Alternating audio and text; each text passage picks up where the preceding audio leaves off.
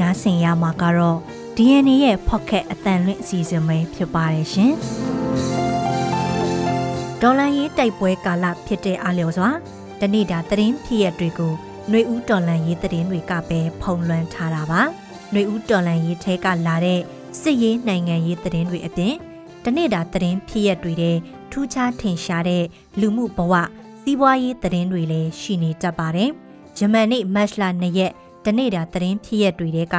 ထူးခြားထင်ရှားတဲ့သတင်းဖြစ်ရတွေကို DNA ကစုစည်းဖော်ပြပေးလိုက်ပါတယ်။ဒီအစီအစဉ်ကိုတော့ကျမနန်းခမ်းနဲ့အတူကျွန်တော်မောင်သိန်းကစူးစီးတင်ဆက်ပေးသွားမှာပါ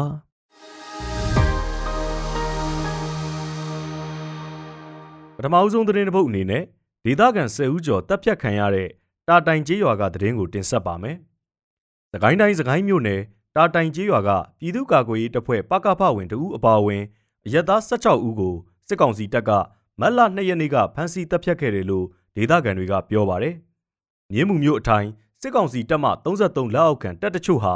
စကိုင်းမြို့ရွှေလီအုပ်စုတာတိုင်ကျေးရွာနဲ့ပကြီးကျေးရွာတွေကိုမတ်လ1ရက်နေ့ကဝင်ရောက်ပြီးတာတိုင်ရွာကဒေသခံ15ဦးကိုဖမ်းဆီးခဲ့တယ်လို့သိရပါတယ်။ပြည်သူ့ကာကွယ်ရေးတပ်ဖွဲ့ဝင်တဦးကိုတော့ရရဆက်ဆက်တပ်ဖြတ်ခံထားရတဲ့အခြေအနေနဲ့ပြန်တွေ့ရတာဖြစ်တယ်လို့ဒေသခံတဦးကပြောပါတယ်။အဲဒီနောက် တာတိုင်ကျေးရွာကနေစုတ်ခွာသွားတဲ့စစ်ကောင်စီစစ်ကြောင်းဟာတစားကန်15ဦးကိုဖမ်းဆီးခေါ်ဆောင်သွားပြီးမြင်းမှုမြို့နယ်ညောင်ရင်ကျေးရွာမရောက်ခင်တရက်ချန်ထဲမှာတစားကန်9ဦးကိုစတင်တပ်ဖြတ်ခဲ့တယ်လို့ဆိုပါတယ်။တပ်ဖြတ်ခံရသူ9ဦးဟာတာတိုင်ကျေးရွာကအသက်35နှစ်ဝန်းကျင်အရွယ်ဖြစ်တဲ့ကိုကျော်စိုးကိုကျော်ကျော်ကိုထွန်းထွန်းတို့3ဦးနဲ့အသက်45နှစ်ဝန်းကျင်အရွယ်ကိုစိုးနိုင်နဲ့ကိုငလင်းတို့ဖြစ်တယ်လို့ဒေသခံတွေကအတည်ပြုထားနိုင်ပါတယ်။ နောက်ထပ်တပ်ဖြတ်ခံရသူတွေရဲ့ရုပ်လောင်းတချို့မှာတော့မိုင်းတွေပါထောင်ခဲ့တာကြောင့်အလောင်းပြန်ကောက်မရဖြစ်နေတာနဲ့အလောင်းရှာမတွေ့သေးသူတွေလည်းကြံနေသေးတယ်လို့သိရပါတယ်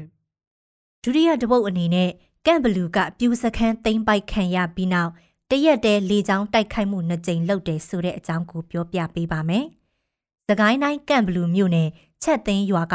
စစ်ကောင်စီလက်အောက်ခံပြူစောထီးစခန်းကိုမတ်လ2ရက်မနေ့အစောပိုင်းမှာတေဒကာကွယ်ရေးတပ်ဖွဲ့တွေက တိုက်ခိုက်သိမ်းပိုက်ခဲ့ပါတယ်။ကာကွယ်ရေးတပ်ဖွဲ့တွေကမနက်9နာရီခွဲကနေ10နာရီခွဲလောက်အထိ3နာရီကြာတိုက်ခိုက်ပြီးအဲ့ဒီပြူစောထီးစခန်းကိုသိမ်းပိုက်နိုင်ခဲ့တာလို့ကန့်ဘလူကောလင်းကျွန်းလကမြေပြင်အခြေအနေတွေဖော်ပြပေးနေတဲ့ကျွန်းလတက်ကြွလှုပ်ရှားသူများအဖွဲ့ကပြောပါတယ်။ပြူစောတိစခန်းကိုတိုက်ခိုက်သိမ်းပိုက်ခံရပြီးနောက်ကာကွယ်ရေးတပ်ဖွဲ့ဝင်တွေပြန်ဆုတ်ခွာခဲ့ကြပြီးစစ်ကောင်စီကမတ်2ရက်မနက်ပိုင်းနဲ့နေ့လယ်ပိုင်းတွေမှာ MI35 တိုက်ခိုက်ရေးရဟတ်ရင်တစီးနဲ့နှကြိမ်လာရောက်ပစ်ခတ်ခဲ့တယ်လို့အဲ့ဒီဒေတာခြေဆိုင် Infinity Group ကလည်းဖော်ပြထားပါတယ်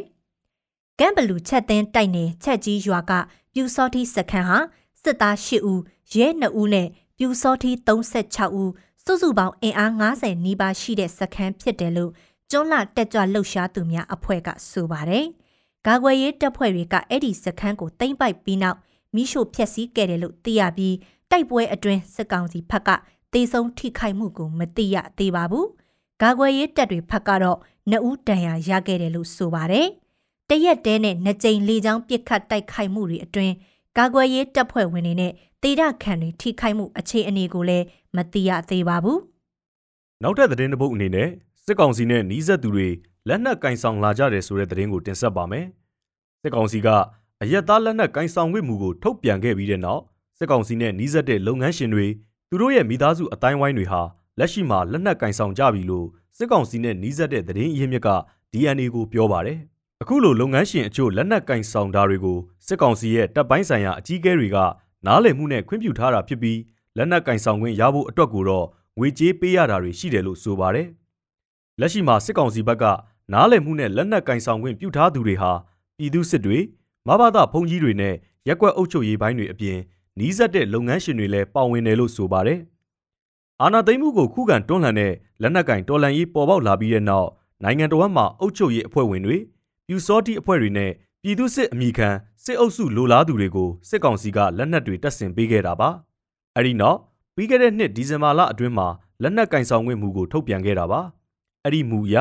စစ်ကောင်စီကသူ့အလိုရှိသူတွေကိုလက်နက်တွေချပေးမှာဖြစ်တယ်လို့ ကိုယ်တိုင်လက်နက်ဝယ်ပြီးကင်ဆောင်လိုသူတွေကိုလည်းလိုင်စင်လျှောက်ခွင့်ပြုထားပါတယ်။လက်နက်ကင်ဆောင်ခွင့်မူထွက်လာပြီးတဲ့နောက်ရပ်ပိုင်းလပိုင်းအတွင်းမှာပဲစစ်ကောင်စီနဲ့နှီးစပ်တဲ့အတိုင်းအဝိုင်းကလူဦးရေအများပြားလိုင်စင်လျှောက်ဖို့ကြိုးပမ်းနေကြတယ်လို့သိရပြီးစစ်ကောင်စီကလိုင်စင်စထုတ်ပေးတာရှိမရှိနဲ့အရေးအတွက်ဘလောက်ခွင့်ပြုပေးလိုက်ပြီဆိုတာကိုတော့မသိရသေးပါဘူးရမဲသင်းထောင်အချုပ်ကားဖောက်ပြေးသူတွေက3ဦးပြန်ဖမ်းခံရတဦးသေဆုံးတယ်ဆိုတဲ့အကြောင်းကိုဆက်လက်တင်ဆက်ပေးပါမယ်။ မန္တလေးတိုင်းရမဲသင်းအကျဉ်းထောင်ကအချုပ်သားတွေကိုရုံးထုတ်ပြီးအပြန်မှာအချုပ်ကားဖောက်ပြီးထွက်ပြေးလွတ်မြောက်သွားသူတွေကတဦးပြစ်ခတ်ဖမ်းဆီးခံရတာကြောင့်သေဆုံးသွားတယ်လို့နောက်ထပ်2ဦးကတော့အရှင်ပြန်လည်ဖမ်းဆီးခံလိုက်ရတယ်လို့ရမဲသိန်းမြို့ပေါ်ကစစ်အုပ်စုနဲ့နှီးဆက်သူတွေကပြောပါတယ်။အချုပ်သားတွေထွက်ပြေးလွတ်မြောက်ခဲ့ပြီးနောက်စစ်အုပ်စုကဖြစ်စဉ်ဖြစ်ပွားရာအနီးတဝိုက်ပိတ်ဆို့ရှာဖွေတာတွေလုပ်ခဲ့တာကြောင့်ကွေးပင်ရွာအနီးမှာတအူးပြစ်တက်ခံရတာလို့သိရပါတယ်။ ရမဲသိန်းအကျဉ်းထောင်ကအချုပ်သား20ဦးလောက်ကိုမတ်လတရက်ကနေပြီးတော့တရားရုံးတွေမှာရုံးထုတ်စစ်ဆေးပြီးအပြန်ညက်နေပိုင်းတက်ကုန်းမြို့နယ်ရှောက်ကုန်းရွာအနီးရန်ကုန်မန္တလေးလမ်းဟောင်းမိုင်တိုင်246အနီးမှာအချုပ်ကားခဏရက်ချိန်အကျန်းသားတွေကထွက်ပြေးခဲ့ကြတာလို့သိရပါဗျ။အချုပ်ကားအနောက်ခန်းမှာလိုက်ပါလာတဲ့ရဲတပ်ဖွဲ့ဝင်တဦးစီကတနက်ကိုအချုပ်သားတွေကရယူခဲ့ပြီးကားပေါ်ကထွက်ပြေးခဲ့တာကြောင့် အမျိုးသား9ဦးလွတ်မြောက်ခဲ့တာလို့သိရပါဗျ။လက်ရှိမှာထွက်ပြေးလွတ်မြောက်သွားသူ9ဦးထဲက3ဦးဖမ်းဆီးခံခဲ့ရပြီး6ဦးလွတ်မြောက်နေဆဲဖြစ်တယ်လို့အဲ့ဒီဖြစ်စဉ်မှာစစ်အုပ်စုလက်အောက်ခံရဲတပ်သားတဦးလည်းထိခိုက်ဒဏ်ရာရခဲ့တယ်လို့သိရပါဗျ။နောက်ထပ်သတင်းတစ်ပုဒ်အနေနဲ့ဖဲခုံမှာစာကျက်နေတဲ့ចောင်းသား2ဦးလက်နက်ကြီးထိလို့တေဆုံးခဲ့တဲ့သတင်းကိုတင်ဆက်ပါမယ်။ကရင်ပြည်နယ်ဖဲခုံဒေသခံចောင်းသားလူငယ်ညီကို2ဦးဟာဖေဖော်ဝါရီ28ရက်ညပိုင်းက ဘုံကြီးကျောင်းမှာစာကျက်နေချိန်လက်နက်ကြီးကြားရောက်ပောက်ကွဲလို့နှစ်ဦးစလုံးတေဆုံးသွားသလိုနောက်ထပ်နှစ်ဦးလည်းဒဏ်ရာရခဲ့ကြတယ်လို့ဖဲခုံအခြေစိုက်ကရင်နီအမျိုးသားများကာကွယ်ရေးတပ် KNDF B11 ကထုတ်ပြန်ပါတယ်။ဖဲခုံမြို့နယ်ခေါင်းဤကျေးရွာအုပ်စုအတွင်းကဖုန်ကြီးကျောင်းတစ်ကျောင်းကိုလက်နက်ကြီးကြီးကြားရောက်ပောက်ကွဲလို့အသက်16နှစ်အရွယ်10တန်းကျောင်းသားတဦးနဲ့အသက်15နှစ်အရွယ်ညီဖြစ်သူတို့တေဆုံးခဲ့တာလို့သိရပါတယ်။ဒဏ်ရာရရှိသူတွေကတော့အသက်8နှစ်အရွယ်ကလေးတဦးနဲ့ အသက်40အရွယ်ဒေသခံအမျိုးသားတဦးတို့ဖြစ်ပြီးဘုံကြီးကျောင်းပေါ်ကြားရောက်ပောက်ကွဲတဲ့လက်နက်ကြီးကြီးဟာဖဲခုံအထိုင်စစ်ကောင်စီတပ်ရင်းကပြစ်ခတ်လိုက်တာဖြစ်တယ်လို့ဖဲခုံ KNDF ထုတ်ပြန်ချက်မှာဖော်ပြထားပါတယ်။နောက်ဆုံးတစ်ပုတ်အနေနဲ့ပြည်သူအပေါ်ရေလိုလလိုကြင်ကြံရမယ်လို့ဆိုတဲ့အာနာသိန်းစစ်ကောင်းဆောင်ဆိုတဲ့အကြောင်းကိုပြောပြပေးပါမယ်။မတရားအာနာသိန်းပြီးနောက်နှစ်နှစ်အတွင်းလူ3000ကျော်တပ်ဖြတ်ခဲ့တယ်လို့ပြည်သူနေအိမ်တောင်းချီမိရှို့ဖျက်ဆီးခဲ့တဲ့သူ့လက်အောက်ခံစစ်သားတွေကို ပြည်သူအပေါ်ရေလိုလလိုကြင်ကြံရမယ်လို့မင်းအောင်လိုင်ကပြောတဲ့အကြောင်းစစ်ကောင်စီထိန်းချုပ်ထားတဲ့နိုင်ငံပိုင်မီဒီယာတွေကဖော်ပြပါတယ်။ရခိုင်ပြည်နယ်အမ်းမြို့အခြေစိုက်အနောက်ပိုင်းတိုင်းစစ်ဌာနချုပ်မှာမတ်လတရက်ကလက်အောက်ခံတပ်တွေနဲ့တွေ့ဆုံချိန်အာနာသိန်းစစ်ကောင်းဆောင်မင်းအောင်လိုင်ကအဲ့ဒီလိုပြောခဲ့တာပါ။တပ်မတော်သားတွေအနေနဲ့စီကန်းနဲ့အညီနေထိုင်ကြရသူတွေဖြစ်တာကြောင့်ပြည်သူတွေနဲ့ထိတွေ့ဆက်ဆံရမှာလဲကျွတ်ဝတ်တွေအတိုင်းရေလိုလလိုကြင့်ကြံရမှာဖြစ်တယ်လို့သူကဆိုပါတယ်။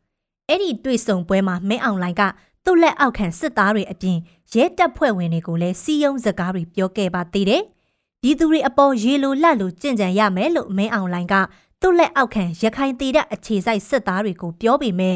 ရခိုင်တပ်မတော် AA နဲ့စစ်ကောင်စီတို့ရဲ့တိုက်ပွဲတွေအတွင်းရခိုင်တေတဲ့ခံ600နီးပါးကိုဖမ်းဆီးခဲ့ပြီးလက်ရှိအချိန်အထိ200ကျော်လောက်ဆက်လက်ဖမ်းဆီးခံထားရပါတယ်။ဒါအပြင်မင်းအောင်လိုင်လက်အောက်ခံစစ်တပ်ဟာ ရခိုင်ဒေသအပါအဝင်တနိုင်ငံလုံးမှာအာနာသိန်းကာလနှစ်နှစ်အတွင်းနေအိမ်9000ခွဲကျော်မိရှို့ဖျက်ဆီးခဲ့တယ်လို့လူ3000ကျော်ကိုလည်းတပ်ဖြတ်ထားပါတယ်။အာနာသိန်းစစ်တပ်ကစစ်ကြောင်းထိုးရာဒေသတွေမှာလည်းပြည်သူပိုင်ပစ္စည်းတွေမွေနှောက်ခိုးယူခံရတာဆန်စပါးအပါအဝင်ရိတ်ခါနဲ့အတုံးအဆောင်တွေမိရှို့ဖျက်ဆီးခံရတာတွေလည်းဒီကနေ့အထိရှိနေပါတယ်။တက်လက်ပြီးတော့ နိုင်ငံတကာသတင်းအစီအစဉ်ကိုနန်းခမ်းကတင်ဆက်ပေးပါမယ်။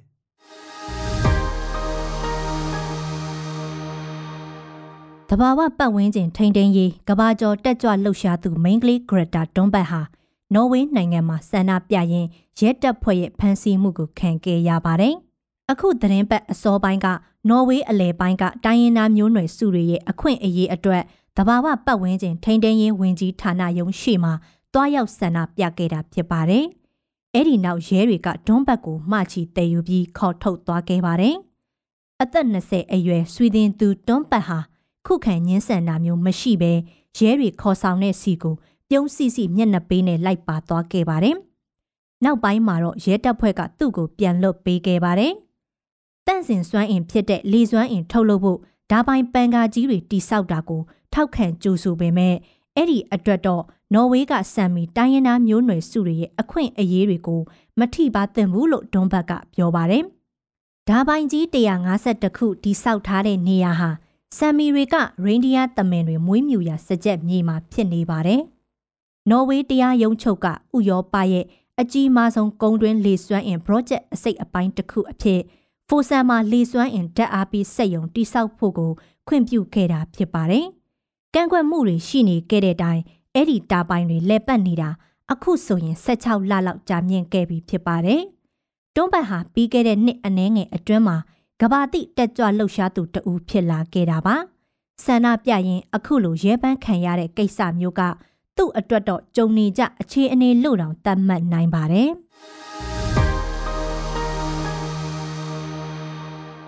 ဂရိနိုင်ငံမှာဆိုးဆိုးရွာရွာယထာတိုက်မှုကြီးဖြစ်ပွားခဲ့ခြင်းဟာ လူသားတွေရဲ့ပေါ့ဆမှုအမားအယွင်းကြောင့်ဖြစ်တယ်လို့ဝင်ကြီးချုပ်ကပြောပါတယ်။ဝင်ကြီးချုပ်ဂိုင်းရီလာကော့စ်မီဆိုဒါကစ်ဟာဖေဖော်ဝါရီလ28ရက်ညပိုင်းကကုံတင်ယထာနဲ့ခရီးသည်တင်ယထာကောင်းချင်းဆိုင်တိုက်မိရာနေရာကိုကိုယ်တိုင်သွားရောက်စစ်ဆေးခဲ့ပါတယ်။ခရီးသည်တင်ယထာပေါ်မှာလူ350လောက်စီးနှင်းလိုက်ပါလာပြီးယထာမတော်တဆမှုကြောင့်42ဦးထပ်မံတေဆုံးခဲ့တယ်လို့ရာနဲ့ချီထိခိုက်ဒဏ်ရာရခဲ့ပါတယ်။ ဒီဖြစ်စဉ်ဟာဂရိနိုင်ငံသမိုင်းမှာအဆိုးဆုံးယထာမတော်တဆမှုလို့တောင်သတ်မှတ်နိုင်ပါတယ်။အခင်းဖြစ်ရာနေရာကိုရောက်ခဲ့တဲ့နောက်ဝင်းကြီးချုပ်ကဒါဟာကြေကွဲစရာကောင်းလွန်းတဲ့လူအမားတစ်ခုကြောင့်ကြုံလာရတဲ့အနိဋ္ဌာယုံမျိုးလို့ပြောပါတယ်။လောလောဆယ်ရဲတွေကယထာတန်လန်းတွေကိုအပြောင်းအလဲလုပ်ပေးဖို့အတိကတာဝန်ယူရတဲ့အရာရှိကိုဖမ်းဆီးထားလိုက်ပါတယ်။ဒါပေမဲ့အဲ့ဒီအရာရှိကတော့သူဟာပါအမားမှကျူးလွန်ထားခဲ့တာမရှိဘဲ ဤပညာပိုင်းချွတ်ယွင်းမှုတခုခုကြောက်နာယထာနစီပြေးလန်းတစ်ခုတည်းပေါ်မှာကောင်းချင်းဆိုင်မိခဲ့တာဖြစ်နိုင်တယ်လို့ဖြေရှင်းထားပါတယ်။အခုကိစ္စအပြီးမှာတော့ပို့ဆောင်ရေးဝင်ကြီးကော့စတက်ဂါရာမန်လစ်ဟာယာဒူးကနှုတ်ထွက်သွားခဲ့ပါတယ်။သူ့လက်ကင်ဌာနနဲ့ဆိုင်တဲ့ဖြစ်ရက်ဆိုးကြီးတစ်ခုကိုအမှန်တကယ်မဖြစ်ခဲ့တဲ့အောင်ဟန်ဆောင်ပြီးဘလို့မှမနေနိုင်ဘူးလို့ဝင်ကြီးကဆိုပါတယ်။ယထာချင်းတိုက်မိရာကတချို့တွဲတွေဟာလမ်းချော်ထွက်ကုန်ပြီးမီးဆွဲလောင်ကုန်တာကြောင့် ရုပ်အလောင်းတွေပါမမတ်မိလောက်အောင်ဖြစ်ကုန်တယ်လို့အခင်းဖြစ်ရာလာရစ်ဆာမြို့ရဲ့မြို့တော်ဝင်ရုံးကထုတ်ပြန်ထားပါတယ်။အဲ့ဒီအလောင်းတွေကို DNA စစ်ဆေးမှုပြုလုပ်ပြီးမှသာဘယ်သူပဲဝါခွဲခြားနိုင်မဲ့သဘောရှိနေပါတယ်။အခုအခါပျောက်ဆုံးနေသူတွေရဲ့ဆွေမျိုးသားချင်းတွေဟာမြို့ရဲကဆေးရုံကို DNA နမူနာတွေထောက်ပံ့ပေးဖို့နေကြတယ်လို့လည်းသိရပါတယ်။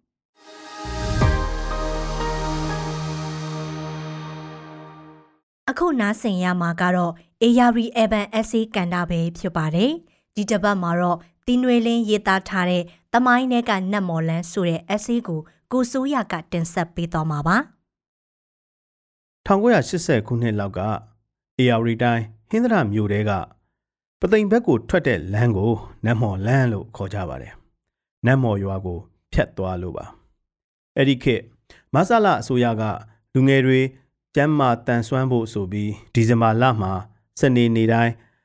နည်းနည်းစောစောထပြီးလမ်းလျှောက်ခိုင်းပါတယ်။ကျောင်းသားတွေအားလုံးအဖြူစိမ့်ဝစ်ပြီးနတ်မော်ရွာအထိလမ်းလျှောက်ကြရပါတယ်။နတ်မော်ရွာက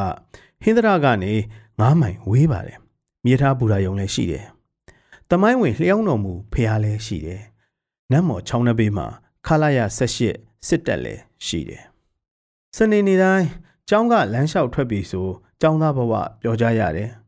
ကတ္တရာလမ်းတစ်လျှောက်ရွာသားကုန်းကုန်းကြီးစတဲ့ရွာတွေဖြတ်သွားကြရတယ်။ကုန်းကြီးကြော်ရင်လယ်ကွင်းပြင်ကြီးတွေကိုလမ်းဘေးဝဲရမှာတမျောတခေါ်ကြီးတွေ့ရတယ်။စိုက်ပျိုးရေးယုံစက်မှုလေယာယုံတွေလည်းရှိတယ်။ဒဂုံနိုင်ရွာဘက်ရောက်တဲ့အခါလမ်းဘေးမှာကုတ်ကိုပင်ငုတ်တူကြီးတွေရှိတယ်။မီးလောင်ထားလို့မီးကျွမ်းနေတယ်။တချို့အပင်တွေမှာအပေါက်ကြီးဟောင်းလောင်းတွေနဲ့ မနဲ့စောစောထလမ်းလျှောက်ထွက်ရတော့မှောင်တွေကတင်းငုတ်တိုကြီးတွေကိုတရေတစေတွေထိုင်းနေတဲ့အထင်နဲ့ကလေးတွေကကြောက်ကြတယ်အဲ့ဒီလမ်းဘေးမှာပဲလေရင်ပြန်ခွင်းရှိတယ်ဥနုခစ်ကလေရင်ပြန်ဆင်းတယ်ပြောတယ်ရန်ကုန်နဲ့တပတ်နှစ်ရက်ပြန်တန်းနေတဲ့မိုင်60ကျော်သာရှိတဲ့ခရီးကိုမီးရထားလမ်းရှိရဲ့နဲ့လေရင်နဲ့သွားတဲ့သူဟာအဲ့ဒီခေတ်မှာအကောင်ပေါ့ လေရင်ပြန်ကွင်းရှေ့ရောက်ရင်ကျောင်းသားကြီးသမီးကြီးစားအတွဲတွေကကွင်းထဲဆရာမသိအောင်ခိုးဝင်ကြတယ်အတွဲချောင်းတဲ့ကောင်တွေကနောက်ကလိုက်ကြတယ်လေရင်ပြန်မစင်းတော့တဲ့ကွင်းထဲမှာခြုံရွယ်ပိတ်ပေါင်းတွေနဲ့လမ်းပေါ်မှာမဆလာအစိုးရက လော့စပီကာနဲ့ဖွင့်တဲ့သချင်းတန်ကစူးညံနေတယ်ကိုခန္ဓာတန်ဆွမ်းစေဖို့စိတ်နှလုံးရွှင်လန်းစေဖို့တငယ်ချင်းပေါင်းသင်းများနဲ့ပျော်ဖို့ရွှင်ဖို့ စောစောအိလို့စောစောထားလို့စောစောလမ်းလျှောက်ကြပါစို့တဲ့လေပြန်ခွင်းထဲကအတွဲတွေလည်းပျော်လို့ရွှင်လို့ပေါ့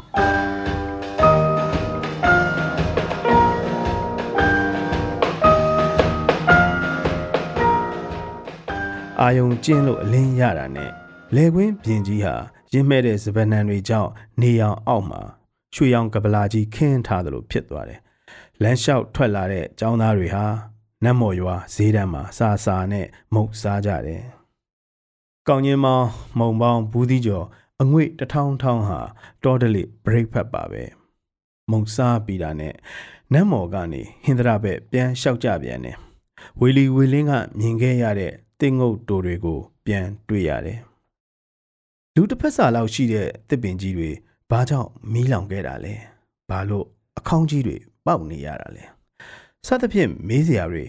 တန်းစီထွက်လာတယ်။အသက်80ကျော်အဖွားကိုမေးကြည့်တော့ကရင်သဘုံတွေတက်လာဒုံကားလို့ပြောတယ်။1950ခုနှစ်တဝိုက်မှာမြန်မာပြည်တဝန်းမှာရောင်စုံသဘုံတွေထနေတယ်တဲ့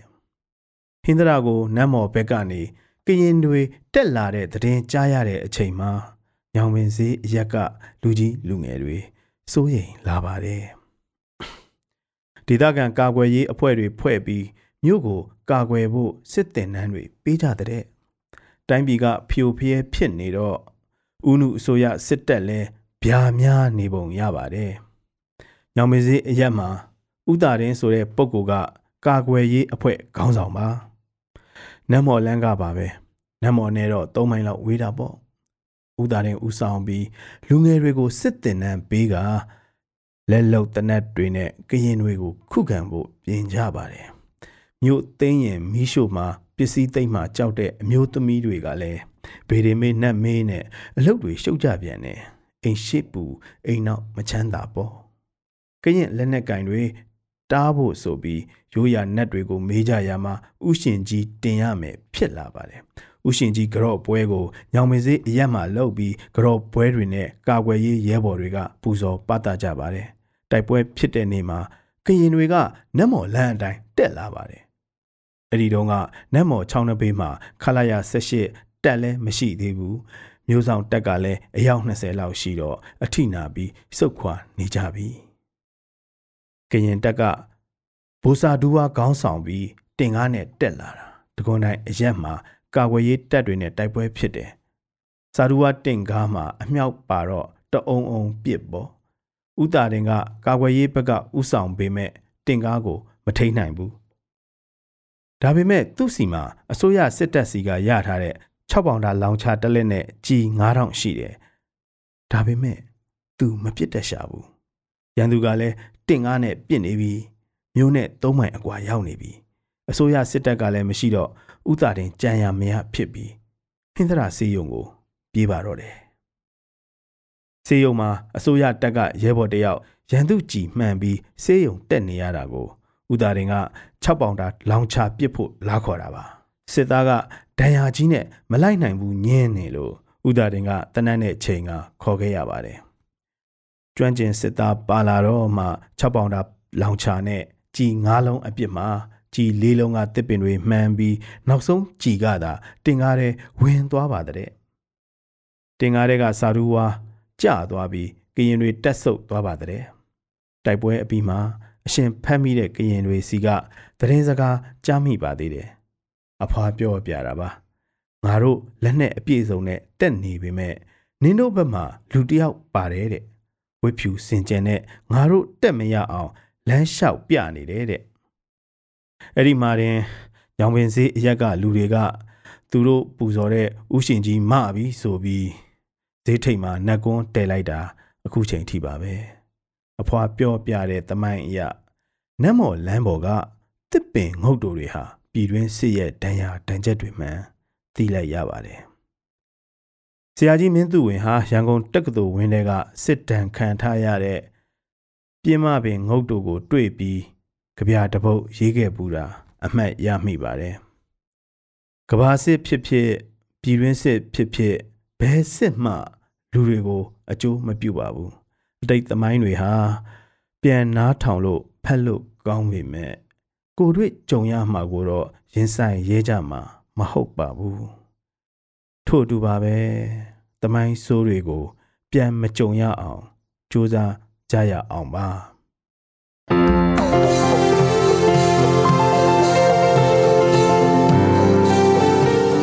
DNA ရဲ့ Pocket အတန်လွင့်အစီအစဉ်ကိုအ ပတ်စဉ်တနင်္လာနေ့ကနေတောက်ကြနေ့အထိမနက်9:00နာရီတိုင်းမှာတင်ဆက်ပေးသွားမှာဖြစ်ပါတယ်။ဒီအစီအစဉ်ကိုတော့ DNA ရဲ့ Facebook Page ကနေအပြင် Anchor, Spotify နဲ့ Google Pocket တို့တွေကနေတဆင့်လဲနားဆင်နိုင်ပါတယ်ရှင်။